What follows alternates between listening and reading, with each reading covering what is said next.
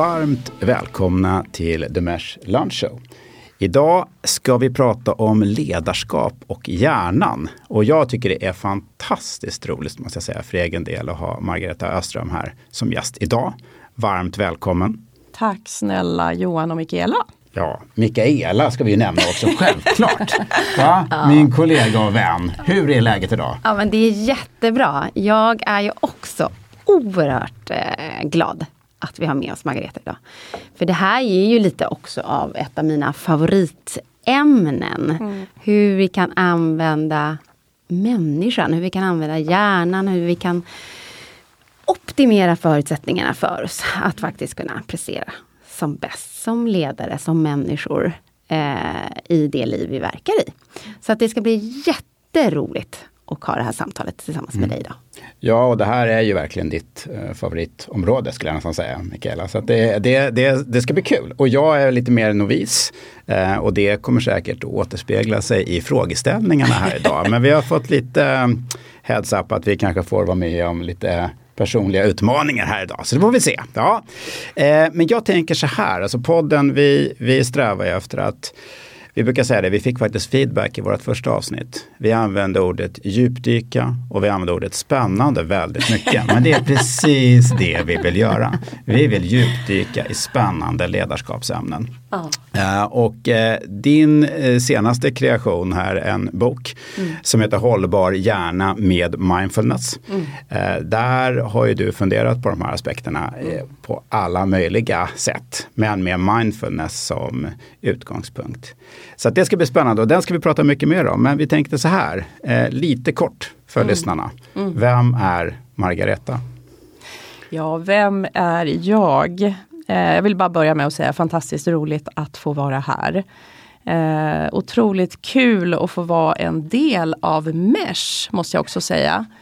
Eh, jag är ju en organisationskonsult som jobbar eh, ofta datadrivet eh, på vetenskaplig grund. Och jobbar väldigt mycket både med urval men framförallt utveckling. Och då tar jag ju till eh, hjärnforskning för att vi verkligen ska veta att det här gör någon nytta. Det blir en effekt. Och, och liksom fokusera på det som är viktigt på riktigt för mm. ledarna där ute. Mm. Så det är väldigt kort av min bakgrund. Ja. Väldigt kort och där, där, där kan vi också säga det. Du har ju varit, du har varit på en del HR-relaterade, du har varit på PVC om vi går tillbaka ja. i historien, Polia en sväng. Ja. Ja. Du har suttit på Assessio och lite Sony Ericsson. Så det är en lite blandad kompott. Du är påläst Johan. Ja, måste man, man måste ju vara lite påläst så att säga. Nej, men det, ja. det, det, är alltid intressant att veta också lite grann vilken, för som du, som du nämner i boken, eh, lite grann att du har ju varit med att eh, ja, men, diskutera olika aspekter av det här mm. med hur man mm. testar mm. till exempel. Mm, och du har ju provat det både utifrån ett forskarperspektiv kan man nästan säga ja. till att i praktiken, ja, hur, hur görs det idag? Absolut. Ja, och, och, idag så sitter jag ju här och eh, representerar mitt eget bolag, eh, mm. Leading Insight. Och det här med insight, det vill säga insikt. Det är ju också en sak som ligger mig väldigt varmt om både hjärnan och hjärtat. Mm. Det här med att vi faktiskt inte agerar på kunskap utan vi agerar på egen insikt. Mm. Och, och, det är också någonting som är viktigt för det här dagens ämne, att vi faktiskt själva får uppleva vad till exempel medveten närvaro är. För att faktiskt förstå vad det är och vad det kan göra för oss. Mm. Mm. Ja, det där, och jag, jag tänker, jag sitter här och tittar på din bok nu och, och när du säger det, så underrubriken är hur går du från omedvetet till målmedvetet ja. självledarskap? Och vad, hur gör man det då? det, ska vi, det ska vi spendera ja. lite tid åt. Försöka komma och fram till. Innan vi kommer ner dit så är jag väldigt nyfiken på hur, kom, hur ser din resa ut? Hur mm. kommer det sig att det blev mm. Mindfulness? Mm. mm. Hur kommer det sig att det blev till slut en bok? Mm. Den är jag också lite nyfiken mm. på. För att sätta det hela i kontext. Ja, jag tackar för din fråga Mikaela för den är verkligen pang på. Den berör mig väldigt mycket för att på ett sätt så kan jag känna mig så fullständigt liten och sårbar när jag får de frågorna. Eh, för jag har ju själv varit helt ohållbar Jag har liksom eh, levt mitt liv och försökt prestera på ett helt ohållbart sätt. Och jag var också fullständigt omedvetet inkompetent. Eh, jag förstod inte ens att det var så. Eh, så att det har varit en lång resa. Nu var det väldigt länge sedan mm. som jag hade det här riktigt mörka, tråkiga upplevelsen av att jag faktiskt landade in i panikångest. Mm. På grund av att jag var den här fantastiska jonglören som skulle fixa allt i livet. Eh, men eh, även om den här resan har varit tuff så är jag ju naturligtvis väldigt tacksam för vad jag har lärt mig. Mm. Och förhoppningsvis är jag lite mer medvetet kompetent och hållbar idag än vad jag var då. Mm. Mm.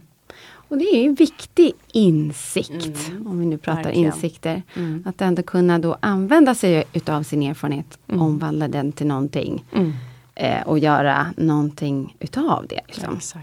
Ja, när du då kom ur det här eh, värsta eh, och det mörka och liksom hela den här prestationsdelen var, var mindfulness en del i praktiken att ta sig ur det? Eller hur, hur hamnade du in i den här ja, världen? Jag hamnade in i att meditera och mycket mental träning. Jag fick ju faktiskt ett kassettband med, med Uneståls. Och, och för våra yngre lyssnare, nej. Exakt, nu avslöjade man sin ålder här också. Jäklars! Barnen hemma brukar ju säga att mamma är från Krita och där fick ju de rätt.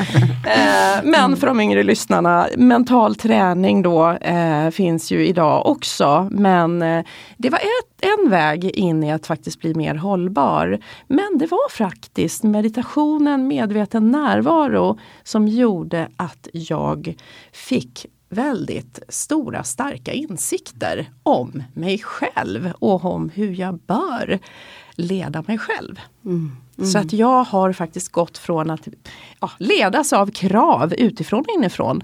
Men att mer ta tag i vad är viktigt för mig på riktigt och leda mig själv inifrån och ut istället.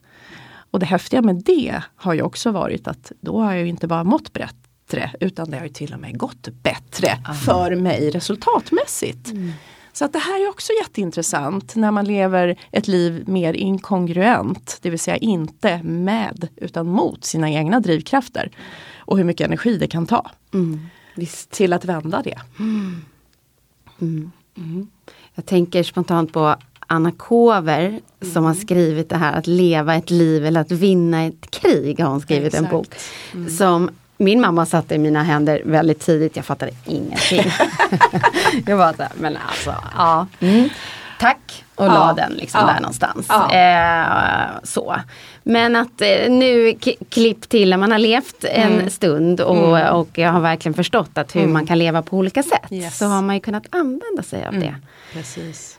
Men jag mm. tänker idag då, då coachar du mycket chefer. Du går in i många organisationer mm. Mm. Där tempot är jätte, jättehögt. Yes. Och mm. människor kanske försöker vinna ett krig mer mm. än att leva ett liv. Så är det. Hur, eh, hur gör du det, tänker jag?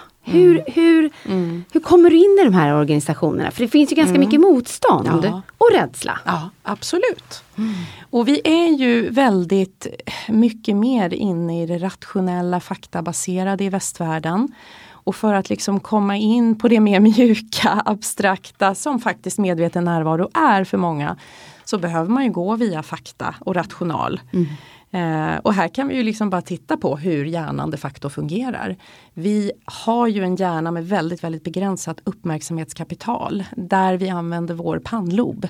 Där vi har det här eh, ja, kapaciteten att kunna fokusera, analysera, värdera, sortera, problemlösa och så vidare. Eh, och idag så har vi kunskapsintensiva jobb. Eh, till den grad, idag blir vi liksom mentalt utmattade, förut blev vi ju fysiskt utmattade. Och det vet vi, vi vet det. Men vi måste också börja prata lite mer i siffror för att vi ska faktiskt mm. förstå vidden av den här utvecklingen. Mm. För den har varit väldigt snabb. Jag brukar hänvisa till en eh, studie på Europanivå som kom förra året. Där man har liksom rankat olika delar av Europa och även städer i Europa för så kallade brain jobs, hjärnjobb, kunskapsintensiva jobb. Och vet ni, Stockholm ligger i topp där. Vi är på tredje plats i Europa. Och nu sitter ju vi här i Stockholm och spelar in detta. Vi ska inte bli malliga här nu för att vi är stockholmare. Tittar vi på Sverige som land så har vi faktiskt mest kunskapsintensiva jobb över riket, fördelat, jämnt fördelat över riket. Spännande. Så det är inget storstadsfenomen eller Stockholmsfenomen. Utan Sverige som land har mer, fler så kallade brain jobs. Och det här Eh, är en kapacitet som vi sa som är begränsad. Men vi lever och jobbar som om det här vore en outsinlig resurs. Men det är det inte. Och jag brukar ju prata om det här uppmärksamhetssamhället som vi lever i. Där vi har informationsflöde som pockar på vår uppmärksamhet 24-7, 24 timmar om dygnet, 7 dagar i veckan. Och vårt uppmärksamhetskapital det är ungefär 2-3 timmar per dag. Mm. Så ni ser ju obalansen, alltså mm. det är fullständigt ohållbart om vi tror att vi kan liksom jobba åtta timmar en dag, ofta jobbar folk mer. Mm. De jobbar även kvällar, de börjar jobba kanske lite söndag kväll inför att veckan ska börja. Eh, och sen så blir vi förvånade över att vi blir trötta. Mentalt utmattade. Mm. Och sen då, vad gör vi för att kompensera när vårt uppmärksamhetskapital har tagit slut? Jo, det är då vi börjar jonglera. Mm. Vi börjar multitaska. Mm. Det känner de flesta igen. Mm. Så det är ett väldigt vanligt fenomen och ju mer vi multitaskar desto tröttare blir vi. Och ju mer vi multitaskar desto sämre blir vi på den färdigheten. För mm. den går inte att träna upp. Så det han, ja, i, i vissa sammanhang så, så blir det ju så som det blev med mig. Mm. Att jag tappade alla bollarna mm. ett tag i mitt mm. liv. Och kunde inte ens plocka upp och hålla en boll i handen. Eh, så att man utarmar ju sin egentligen viktigaste resurs. Mm. Och, och, det är ju vårt, eh, vår förmåga att fokusera, Just. att behålla vår uppmärksamhet. Mm. Eh, jag vet att jag låter så negativ och kommer med dåliga nyheter med sådana ekvationer men jag vill också framhålla att det många inte heller vet är ju att det här är en, är en träningsbar förmåga. Vår uppmärksamhetsmuskel då som sitter här i pannloben, det är precis den vi använder när vi uppmärksamhetstränar eller fokustränar eller låt, låt oss kalla det då mindfulness, för det är det som händer när vi utövar mindfulness, det vill säga medveten närvaro. Mm. Då tränar vi den. Så där är ju faktiskt hjärnan mm. som vilken muskel mm. i kroppen som helst. Eh, så det är lite häftigt ändå att det går att påverka. Ja men verkligen. Där tänker jag Eh, Anders Hansen är det ju många nu som känner till eftersom han, han har kunnat prata om det här med hjärnan. Han har skrivit han har boken. Pockat, pockat mycket på vår uppmärksamhet. Ja men det har han verkligen. Snyggt. Eh, eh, nej, men I både Hjärnstark, ja, eh, de här, flera av de här böckerna som han har skrivit. Men ja. där kopplar han också in eh, fysisk aktivitet, exakt. sömn, mm. kost. Precis. De här andra delarna. Mm. För eh, när man hör dig berätta så tänker man ju också mm. att när man blir sådär trött så mm. kanske man tar sig en Snickers mm. och sen så orkar man absolut inte röra på mm. sig.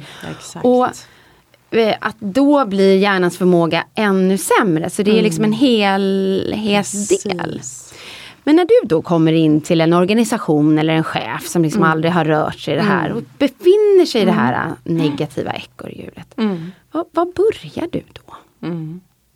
Ja, någonstans måste man ju se hur den individens balans ser ut. Mm. Eh, och som vi sa, vi agerar inte på kunskap utan egen insikt. Jag är väldigt, väldigt försiktig eftersom jag coachar, jag ger inte råd. Mm. Jag är väldigt försiktig med att komma med några lösningar eller råd till någon annan i det läget när det gäller utveckling. Eh, utan det handlar mer om att ställa frågor på ett coachande sätt så att individen kan hitta sina egna svar. Eh, så det gäller ju då eh, ofta genom data, siffror, vetenskap eh, komma fram till att individen själv ser sin egen personliga ekonomi, det vill säga mm. balans på kontot. Mm. När det gäller till exempel energinivåer. Vad tar och ger energi? Mm. Den ekvationen att bara liksom se över sin egen balans mm. då och då är ju otroligt viktigt. Mm. Eh, men den här tiden till reflektion har vi ju sällan. Ja. Vi jagar på. Mm. Och vad händer? Jo, vår resurs tar slut. Vi blir mm. trötta. Och eh, vad händer då? Jo, då blir vi mer händelsestyrda. Mm. Vi blir ännu mer, precis som du sa, en negativ spiral. Vi blir reaktiva. Vi känner oss trötta, otillräckliga. Och då multitaskar vi lite till och så fortsätter det så. Mm. Eh, men det är också väldigt viktigt att prata om att vi faktiskt väljer just de lätta och inte långsiktigt rätta besluten mm. när vi är inne i den här autopiloten. Vi är händerna på bruset runt omkring. Vi reagerar bara på det som finns runt omkring oss. Och det är motsatsen till medveten närvaro, motsatsen till medvetna val och beslut mm. som är långsiktigt bra för individen.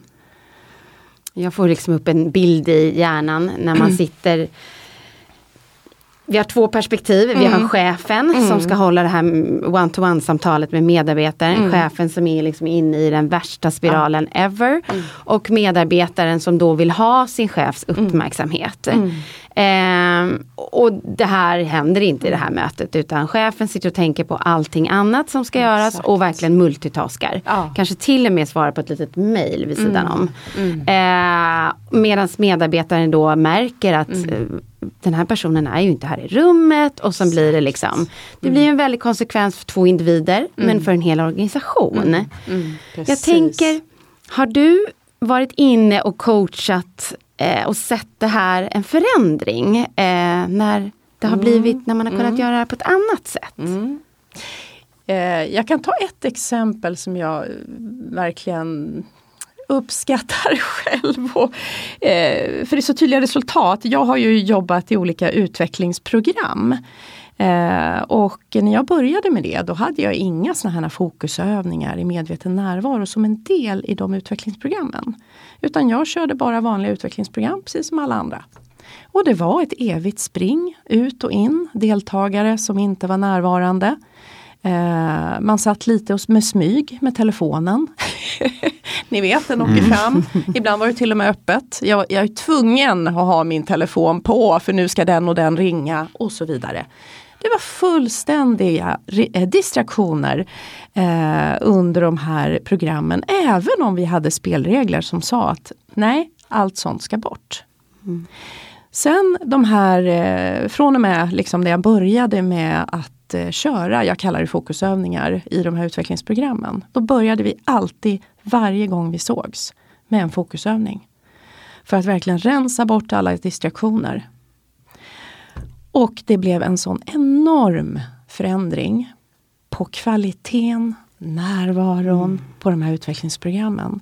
Och jag fick feedback från deltagare som kom fram till mig när vi var klara för dagen som sa Du Margareta, jag måste bara säga det var ingen som sprang ut den här gången. Nej, sa jag. Nej, alla var så himla med idag. Ja, tänkte jag då. Mm. Det gör en sån skillnad. Och när jag coachar individer, när jag coachar och jobbar med ledningsgrupper så brukar vi alltid börja med någon form av fokusövning. Mm. För att just ta bort alla distraktioner. Och nu kommer vi verkligen till pudens mm. kärna. Mm. Hur fungerar hjärnan? Och hjärnan kidnappar ju oss en väldigt stor del av tiden.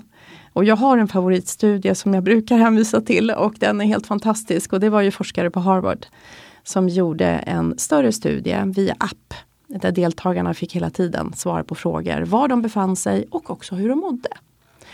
Eh, och eh, den här studien var så väl eh, genomförd och den är verkligen valid för att prata om de här sakerna och, och dra slutsatser kring. Eh, som visade då att vi kidnappas så mycket av vandrande tankar. Eh, hjärnan är ju en vandrande tankemaskin egentligen. Och det har ju evolutionär grund. Det här med att vi ältar det som har hänt. För att vi ska lära oss av våra misstag.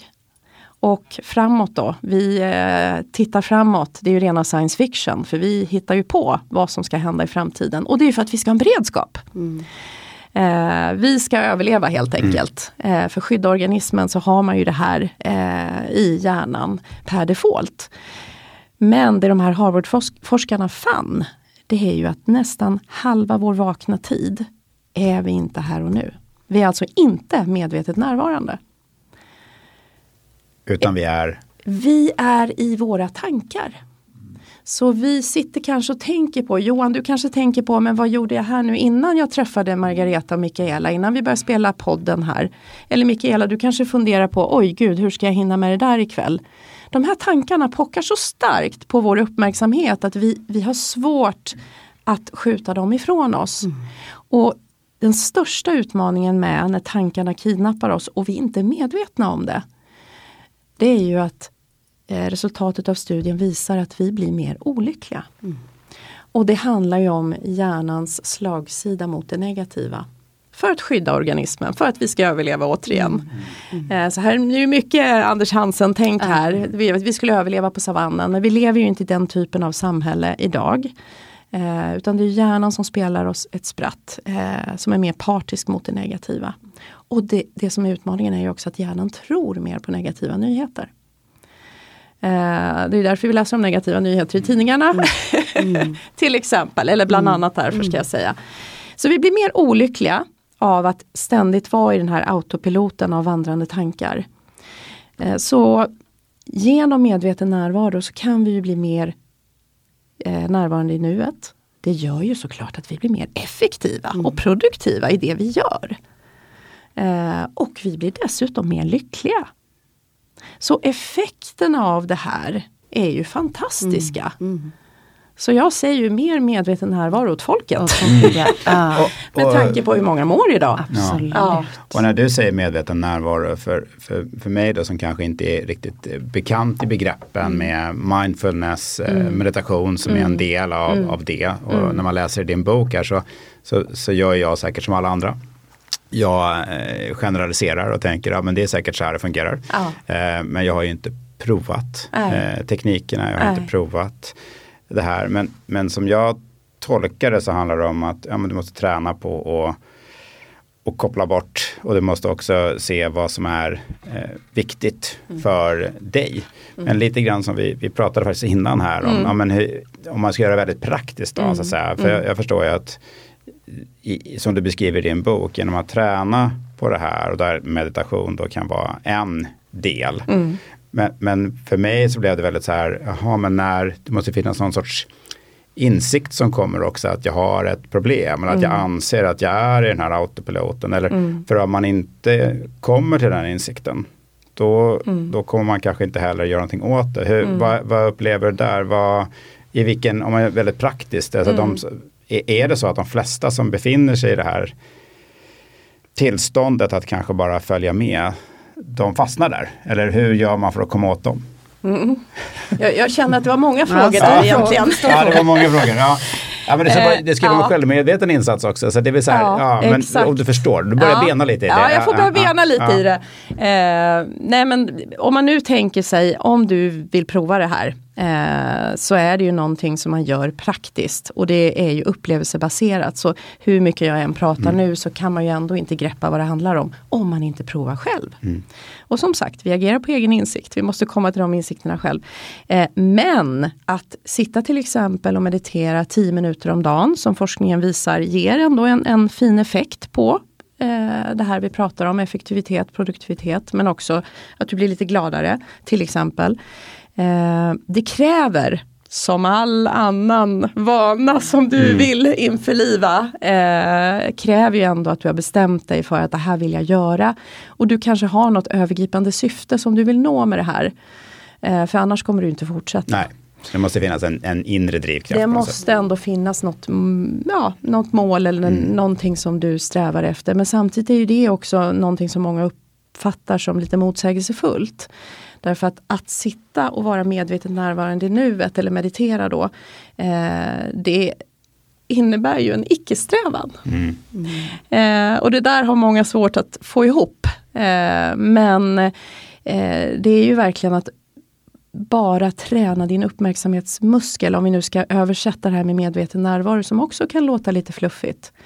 Istället för att vi då ska vara i händerna på bruset och på vår autopilot som kan göra att vi blir mindre glada, eh, vi blir mindre effektiva och produktiva och så vidare. Vi bara snurrar runt och i händerna på bruset, händelsestyrda som vi sa. Eh, så kan vi ju då uppmärksamhetsträna och det det innebär är ju att vi faktiskt eh, fokuserar på en enda sak i taget. Och det är det vi tränar på när vi tränar mindfulness. Det tror jag är det enklaste sättet att beskriva det på. Eh, för att Och- man också ska förstå vad det här innebär. Mm. Och om jag då praktiskt, nu säger jag det, jag skulle vilja lära mig Ja. att eh, meditera Ja. till exempel. Eh, eh, eh, använder jag en app, går jag en kurs, Ja. läser jag på på nätet, vad, vad, vad, hur gör jag? Det finns väldigt många vägar in. Idag finns ju mindfulness träningsappar och information överallt. Eh, en rekommendation som jag ändå har det är att ändå göra det i grupp med andra. Mm. Om man är helt ny på området så tror jag att det är bra att göra det. Eh, för att man ska komma in i det och få uppleva vad det är. Just det. Mm. Och hur vet man vad som är, är rätt? För jag antar att på, på samma sätt som alla andra branscher så finns det sånt som är eh, ja, inte så beprövat. Hur, hur gör man det? Exakt, för idag kallas sig många mindfulness-instruktörer också, eh, som har gått en helgkurs och så vidare. Eh, det mest evidensbaserade, det vill säga förankrat i vetenskap, där vi vet att det ger en effekt, det är ju det som kallas MBSR, till exempel Mindfulness-based stress reduction, som John Kabat-Zinn i USA har tagit fram. Eh, det fina med det här är ju vad han har gjort eh, för västvärlden. För han har ju, han är ju lite lik Ja, lite lik mig själv, datanörd, vetenskapsnörd, molekylär, biolog i botten. Eh, så han skulle aldrig satsa på någonting om det inte verkligen var evidensbaserat. Men han har ju lyckats ta fram ett program som är otroligt välbeforskat som är på åtta veckor. Där man tillsammans i grupp eh, går igenom allt det här, upplever allt det här tillsammans. Som har visat sig ge en väldigt, väldigt fin effekt för många människor på olika sätt. Mm. Och det finns väl väldigt mycket exempel i USA där man har varit på stora bolag och man har just Ja. gjort det här med hela, Precis. hela Exakt. organisationen. Exakt. Exakt. Och sett effektivitet när man har mätt. Ja. Och Google är väl egentligen Google är väl den. mest kända Som vi- ja, exemplet mm. Men- idag. Ja. Men då portionerar man ut en sån här, eller är det, är det, är det åtta veckor intensivt eller är det åtta veckor lite grann varje dag? Eller hur, hur gör, går man en sån här kurs? Ja, då ska man gärna göra lite varje dag faktiskt. Eh, och, och det här är ju precis som annan, all annan träning. Det går liksom inte att sticka iväg på en retreat en gång om året. Eller ut och stenköra för din maratonträning en helg och sen ska du springa det om ett år. Utan det är ju vad du gör varje dag som gör mest skillnad. Eh, Så hellre lite varje dag för att upprätthålla också vanan. För det är en rutin som du behöver komma in i för att du ska kunna nå en långvarig effekt. Men med det sagt så vet vi ju att bara några minuter, till och med för den som gör det utan att ha gjort det förut, upplever en kortsiktig effekt av detta som är ganska kännbar. Att man blir lite mer lugn, man blir lite mer fokuserad. Eh, och det tycker jag är fantastiskt för då kan man ju få smak på att vilja fortsätta göra det här lite varje dag. För det är väl det vi behöver komma åt. Jag tänker att den positiva konsekvensen, nära beteenden pratar man ju om Yes. inom psykologin. Ja. Att liksom någonting triggar igång att vi gör det här beteendet men om vi inte får någon direkt Belöning. liksom, belöning då gör vi det ju inte igen. Nej, exakt. Och, och det är väl det som också ha, har gjort att det är lite eh, Ja, stökigt för folk att liksom komma igång med det. För att man, eh, man kanske inte sätt, man tänker att man ska sätta sig ner som Buddha och så ska man sitta Ja. och andas och så helt Ja. plötsligt ska det komma någon Ja. liksom, insikt. Så är det ju exakt. inte. Nej. Nej. Och jag tycker det är så bra att du lyfter det också. Eh, för jag, när jag föreläser om det här eller pratar om det överhuvudtaget så brukar jag lite provokativt ta fram just någon slags eh, väldigt flummig bild på någon som sitter och mediterar. Kanske sitta på stå på huvudet eller ja, men ni vet, stå på händer. Och så säger jag, ja men det är ju så här man gör, eller? Nej. Alltså du kan ju till och med stå i kön på ICA eller Coop och faktiskt vara medvetet närvarande. Och där tror jag att du liksom verkligen sätter fingret på det. Mm. För att eh, jag tycker att, jag själv har ju då provat i massa, massa, massa år. Men det var Mm. just för mig polletten ramlade, ramlade ner. Det var, nej men jag kanske bara har andats mer fokuserat idag. Mm. Eller uppmärksammade att himlen var blå. Eller såg dina blå intensiva ögon. Mm. Och kan någonstans säga så här, men bra, nu är den här, äh, vad kallar du den, uppmärksamhetsmuskeln, Muskeln. den är aktiverad. Och var nöjd med det. Ja, Eh, det behöver inte vara så mycket svårare än Nej. så. Nej. Och om vi kan försöka förflytta oss ditåt så blir det så mycket enklare tänker jag. Mm. Så Johan, jag sa till dig, jag tror du visst eh, mindfulness-tränar utan att du tänker på det. Så kanske det kan vara. Men det, nu när jag hör dig här också och lite grann det vi pratade om innan att i, i din uppfattning Margareta, finns det, finns det människor som naturligt då, som kanske inte alls har läst om det här eller funderat på det här, men man är, gissar jag nu, olika grad av liksom medveten mm. om det här mm. mm. av natur, på, liksom mm. som, som, som man är. Om det sen är miljö eller arv, det vågar jag inte svara på. Men ja. är, är det så att man, för jag mm. tänker vissa så här, företagsledare om vi går mm. in på det här. Många, många är ju väldigt duktiga på att kanske vara mindful om sitt företag. Mm. Alltså man lägger väldigt mycket energi på att försöka förstå vad är det för verklig lucka mm. i samhället som vårt företag mm. fyller. Mm. Vilket värde ger vi till våra kunder? Och man, man försöker verkligen kapa bort det bruset och inte bara, mm. ah, men nu måste vi ha en annan färg på hemsidan. Utan vad är, liksom, vad är värdet? Um, så det finns ju en del som har det här i sig. Och jag kan tänka mig att många av dem har aldrig ens reflekterat över just kanske mindfulness mm. som begrepp eller mm. meditation heller. Så att säga. Mm. Hur, hur går tankarna ja, där? Nu, nu är du inne på någonting som är lite outforskat men jag har faktiskt läst en eh, studie på temat eh, liksom personlighet och kopplat till graden av att vara mindful. Så det finns lite mm. intressanta sådana rön. Jag har skrivit lite kort om det i min bok men jag ville inte gå in för mycket Nej. på det för det är fortfarande så outforskat. Mm. Eh, men det finns ju till exempel testverktyg idag som eh, där du kan mäta hur mindful, det vill säga medvetet närvarande i nuet du just nu är. Eh, som man ofta använder också gärna innan man kanske går en sån här åtta veckors kurs. För att se om det blir någon förändring. Mm, det är sådana verktyg man använder inom forskningen för att också se att det blir resultat. så att säga. Sen är det ju självskattningar naturligtvis men, men Eh, det är ju som alltid, det är ju ärliga svar i sådana sammanhang. För det fyller ingen syfte att fuska på sådana tester. Mm. Eh, mm. Och, och, för, för lyssnarna då och även för min egen del här. Mm. Om du skulle, kan du se på en individ som du pratar med under en kanske lite längre period om den är medvetet närvarande eller hur, hur liksom upplever man du, upplever du det? Ja, Får du ja, en känsla för det? Eller ja. hur? Nej men jag ska inte överskatta min egen förmåga att bedöma andra människor på det sättet. Men det är klart att det kan du också Johan. Mm. Du kan ju uppfatta om någon är närvarande i samtalet med dig eller, eller inte. glider iväg. Mm. Exakt. Och, och vilken skillnad det gör mm. om den du pratar med är närvarande eller inte. Mm. Så det är en kvalitet som man absolut kan träna, vardagsträna. Um, och, och, det är lite häftigt för när man sitter, alltså den här klassiska meditationen när du då, motsatsen till multitasking som vi sa innan, bara fokuserar på en enda sak. Uh, och uh, ofta tar man ju då hjälp av andningen eller kroppen. För det fina med, om vi nu tar kroppen som första exempel, uh, vi vill ju komma ifrån den här tankevandringen. Eh, där autopiloten bara gör att du reflexmässigt agerar på det som sker utan eftertanke. Eh, men om du bara fokuserar på din kropp till exempel. För din kropp är alltid här och nu. Eh, den lever inte i någon slags repris eller i någon slags science fiction om framtiden som vår hjärna gör. Så bara att bli medveten om din kropp, alltså kroppsnärvaro i några minuter. Mm gör att du blir mer medvetet närvarande. Du bryter dina vandrande tankar.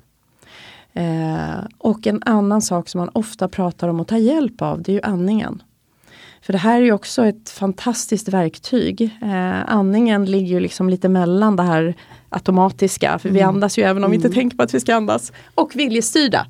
Vilket innebär att det sköter sig självt men samtidigt kan vi använda det för att komma lite ner eh, i varv mm. eh, och bli mer medvetet närvarande mm. i nuet. Så de två vägarna är ju de vanligaste när man ska gå in i att bli mer mindful. Mm. Kroppsnärvaro och andningen. Och de har man alltid med sig. Ja, Visst är det fantastiskt? Det är fantastiskt. Mm. Jag, jag tänker så här. På Mesh så brinner vi ju för att skapa förutsättningar för att konsulter, chefskonsulter som kommer ut i komplexa uppdrag ska kunna prestera mm. som allra bäst. Mm. Um, och då tänker jag att det här är ju ett fantastiskt verktyg om man skulle kunna få in det. Men Mm. samma sak när man då kommer till det här bolaget så finns det ju massa förväntningar på den här konsulten som ska Mm. komma in och ta över det här teamet som inte mår bra. Så att även där finns det ju massa Mm. och liksom. Ja. Vi leker med tanken nu då att vi är eh, det här. Eh, vi har en uppdragsgivare som har köpt in Johan Alsen och eh, Johan Alsen han har liksom införlivat ut allt. nu. Han ser stolt ut nu. och sen har vi då Johan Alsen som ska gå in och prestera på allt det här. Men känner inte kulturen, känner inte människorna, har Mm. inget av det liksom. Okej, Johan har nu lyssnat på dig. Och så tänker han att så här, ah, men okej, inför det här uppdraget Mm. eh, så ska jag vara mer medvetet närvarande. Mm. Finns det någon övning vi skulle kunna testa på Mm. här och nu? Som Johan kanske skulle kunna ha gjort inför han, att han går in i det här uppdraget?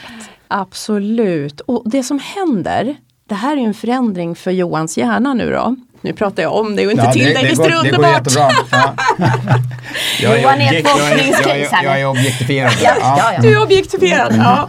Eh, och din hjärna fungerar som alla, alla andras hjärnor. En förändring, det är ju någonting som hjärnan ogillar, det grövsta. Eh, alla hjärnor mer eller mindre reagerar på samma sätt. Eh, man blir väldigt stressad. Eh, man vill ju veta vad som ska hända. Förutsägbarhet är någonting som hjärnan verkligen gillar. Eh, men det här är ju ovisst eh, vad du kommer och vad du ska jobba. Så det är ett stresspåslag. Eh, och ett hotad jag är inte sitt bästa jag. Och då är risken stor att du blir mer händelsestyrd. Du kanske agerar lite mer på känsla och impuls och gör saker, säger saker som inte riktigt var ditt bästa jag. Eller hur? Så är det. Och det vill man då kanske inte ska hända sina första timmar på Nej, ett uppdrag. exakt. Eller i ett viktigt möte. Vi kan ju översätta det här till liksom. Mm. Precis, Bra. precis. Och, och där kan man ju faktiskt ta till medveten närvaro inför att man börjar och också den första tiden när hjärnan fortfarande är i någon slags hot eller stressläge. Men låt oss prova. Ja, Gud vad Vi kör. vi Jag kör. känner, jag känner att stressen ökar. Ja. Alla tittar på Johan just nu. Nej men vi lever ju i ett distraktionssamhälle som vi sa. Eh, och eh, då kommer du in och du vill ju vara uppmärksam, fokuserad hela dagen och eh, det kapitalet tar ju snabbt slut. Så låt oss träna vårt fokus och vår koncentration. Eh, och distraktioner vill vi ju ta bort när vi gör det här. Så eh, nu Mikaela och Johan så tänker jag att vi tar bort distraktioner på ett väldigt enkelt sätt. Vi blundar. Så ni som lyssnar nu får också sluta ögonen om ni känner er bekväma med det. Och nu ska vi då göra en väldigt enkel fokus koncentrationsövning. Och det här med koncentration. Kon, med, center. Alltså med sitt center. Så nu blir det ju att vi riktar och leder oss själva inifrån och ut genom en sån här övning.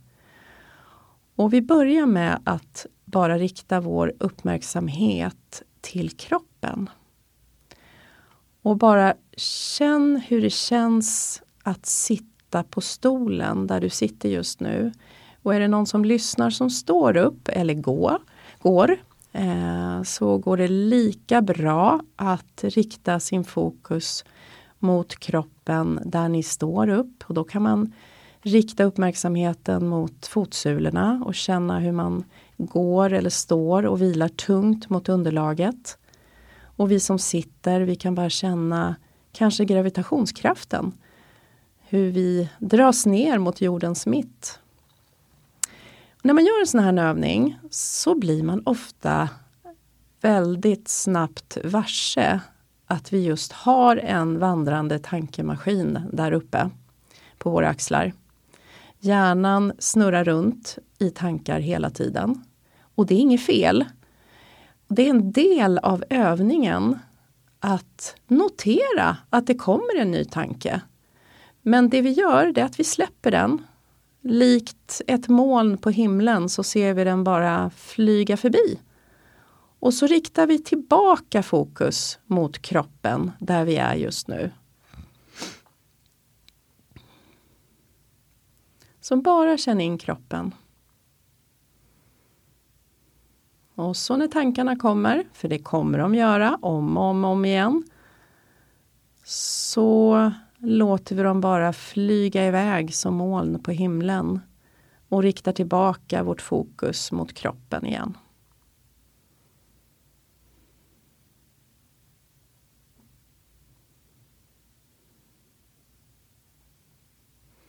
Och sen släpper vi vårt fokus på kroppen. Och så provar vi det här med andningen som jag nämnde. Bara riktar vi vårt fokus mot vår andning där vi känner den som tydligast just nu. Det är olika för olika personer. Det kan vara magen, bröstet, halsen, munnen, näsan. Det spelar ingen roll. Bara du riktar allt fokus mot det ställe där du känner din andning som allra tydligast just nu.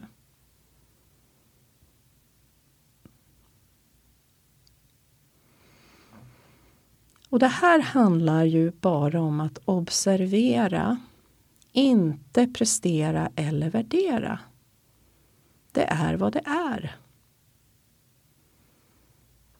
Så rikta allt fokus mot din andning.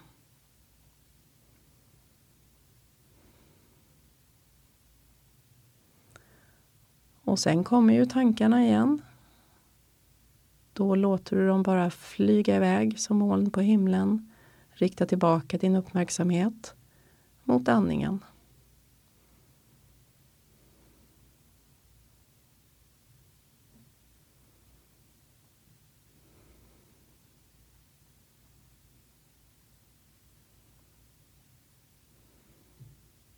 Och så släpper vi andningen.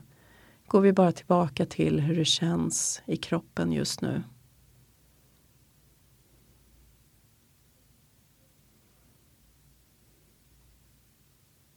Så känslan i kroppen just nu. Och det ska inte vara på ett visst sätt. Det är vad det är. Bara observera, inte prestera eller värdera.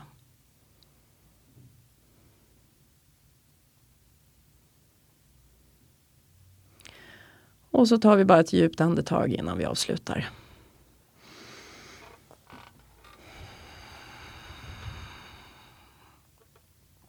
Och öppnar ögonen och kommer tillbaka.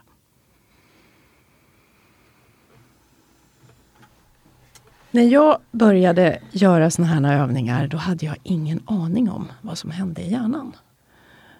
Men nu har jag ju läst på och jag har gått utbildning och jag vet att vi tränar vår uppmärksamhetsmuskel.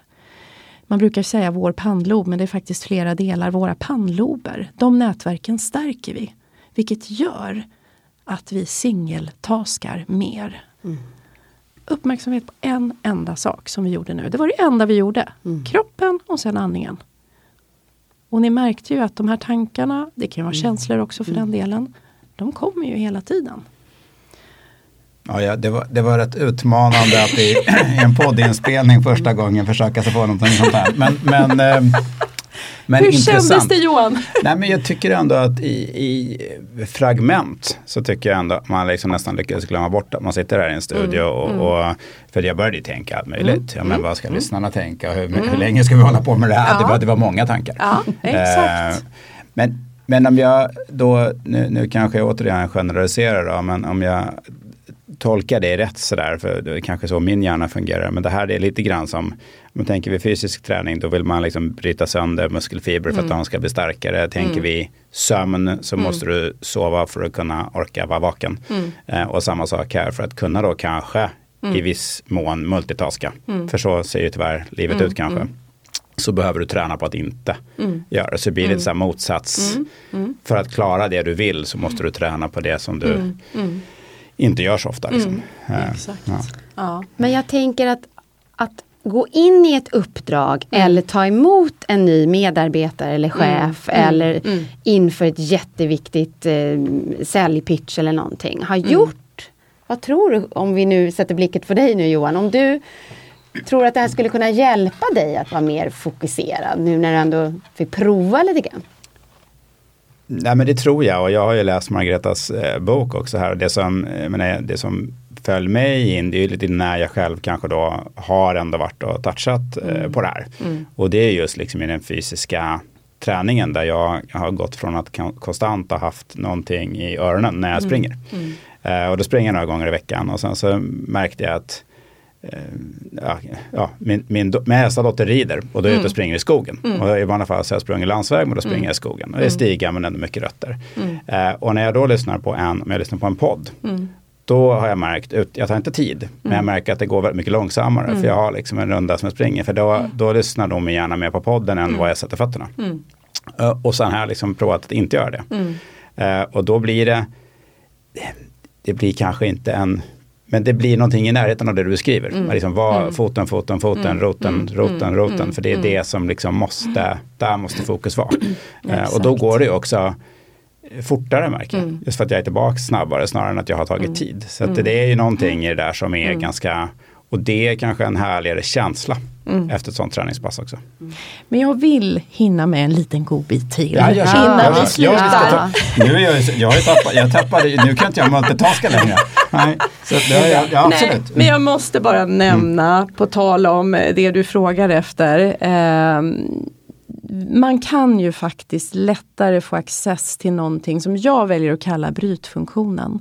När man har tränat medveten närvaro ett tag så innebär det att man skapar ett glapp mellan det som händer och hur jag reagerar på det.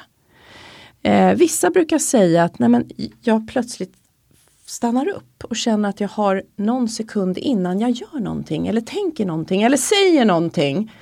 Och det här glappet är det väldigt många som jag har coachat eller jobbat med utveckling kring som har uppfattat att de har fått tack vare mindfulness.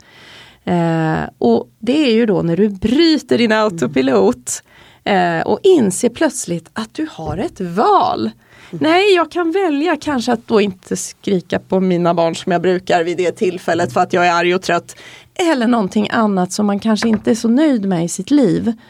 Eh, just att skapa det här glappet mellan vad som händer och hur jag reagerar på det. Det är ju det som gör också att man får en känsla av att man plötsligt har ett val där man tidigare inte har sett att man har haft ett val utan man har bara reagerat. Ofta på en stark känsla eller tanke som har kommit till en. Eh, Så jag brukar ju säga att medveten närvaro ger ju oss medvetna val av den anledningen. Och tänk om vi kunde ha gjort annorlunda, det är ofta där tanken går in. Tänk om jag inte sa det eller gjorde det och så vidare. Eh, men blickar vi framåt, att träna på det här gör att vi stärker de nätverken i hjärnan. Eh, vi pratar om uppmärksamhetsmuskeln men det är också hjärnans broms som gör att vi inte reagerar lika lätt på negativa känslor. Det är oftast det. Vi tar till exempel inte saker lika mycket personligt eh, när vi har tränat upp den här muskeln. Eh, I affekt agerar vi min, mer sällan. Eh, så när man pratar om att reducera stress, ja men vad är stress då? Ja men det handlar ju om massa saker. Eh, men summerat är det ju så att ett stressat jag är inte sitt bästa jag. Eh, så just de här medvetna valen som också gör att man plötsligt känner att man har ett val i situationer som tidigare bara slen- slentrianmässigt har skett på ett visst sätt. Och ofta för många som jag möter på ett ohållbart sätt. Eller ett sätt som de själva inte riktigt kan stå bakom. Eller så vill de inte ha det i sitt liv helt enkelt. Nej.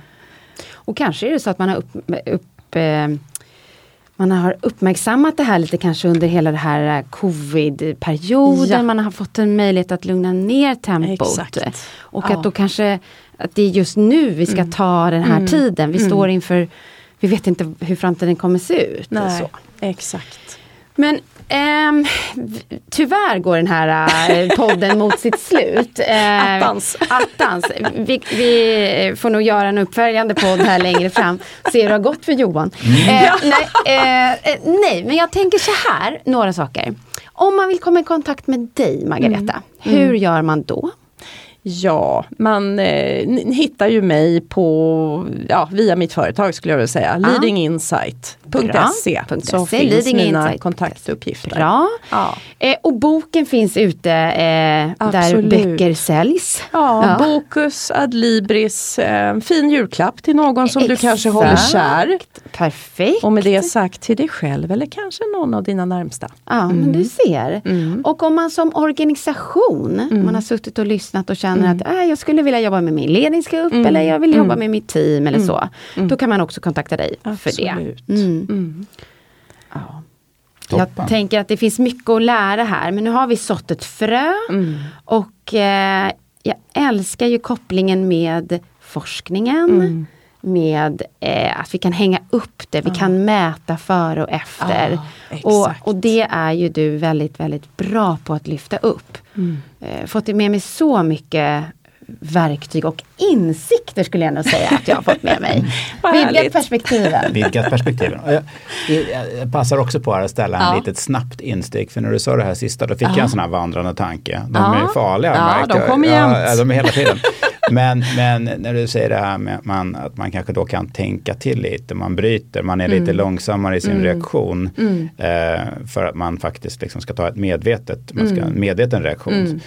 Då tänker jag på den här Kahneman, tänka snabbt, tänka Mm. Långsamt. Och jag tror att du nämner i din bok också något så här med det här exemplet med marshmallows och så här. Och då Mm. Ja. är man ju inne på det här som du sa, att det inte fanns så mycket forskat om. Mm. Finns det liksom, för där gjorde man lite sådana tester på barn i alla fall. Att absolut. vissa barn hade lättare för det här Ja, än andra. precis. Eh, Ja. För att man, Ja, nej men nu är vi tillbaka till hjärnans broms. ja, Eh, Att vi stärker de nätverken i hjärnan som gör att vi inte behöver agera på affekt eller i affekt. Eh, och bli det här reaktiva, händelsestyrda i vårt ledare. Kortsiktiga, där man också ofta upplever att man har tidsnöd hela tiden.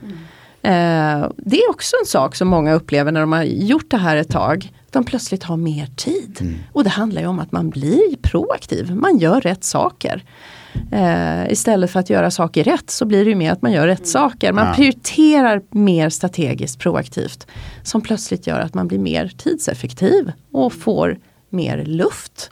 Eh, det är en vanlig kommentar när man har tränat medveten närvaro ett tag.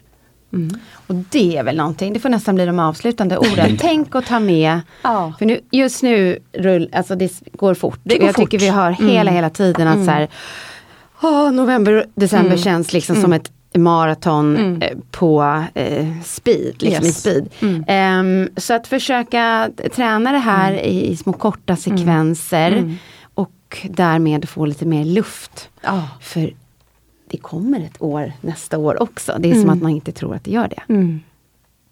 Ja, hållbarhetsträna hjärnan. Hållbarhetsträna Mm. hjärnan. det gör vi. Tack Margareta. Stort tack. Tack för att jag fick komma. Och tack alla ni som lyssnade. Mm.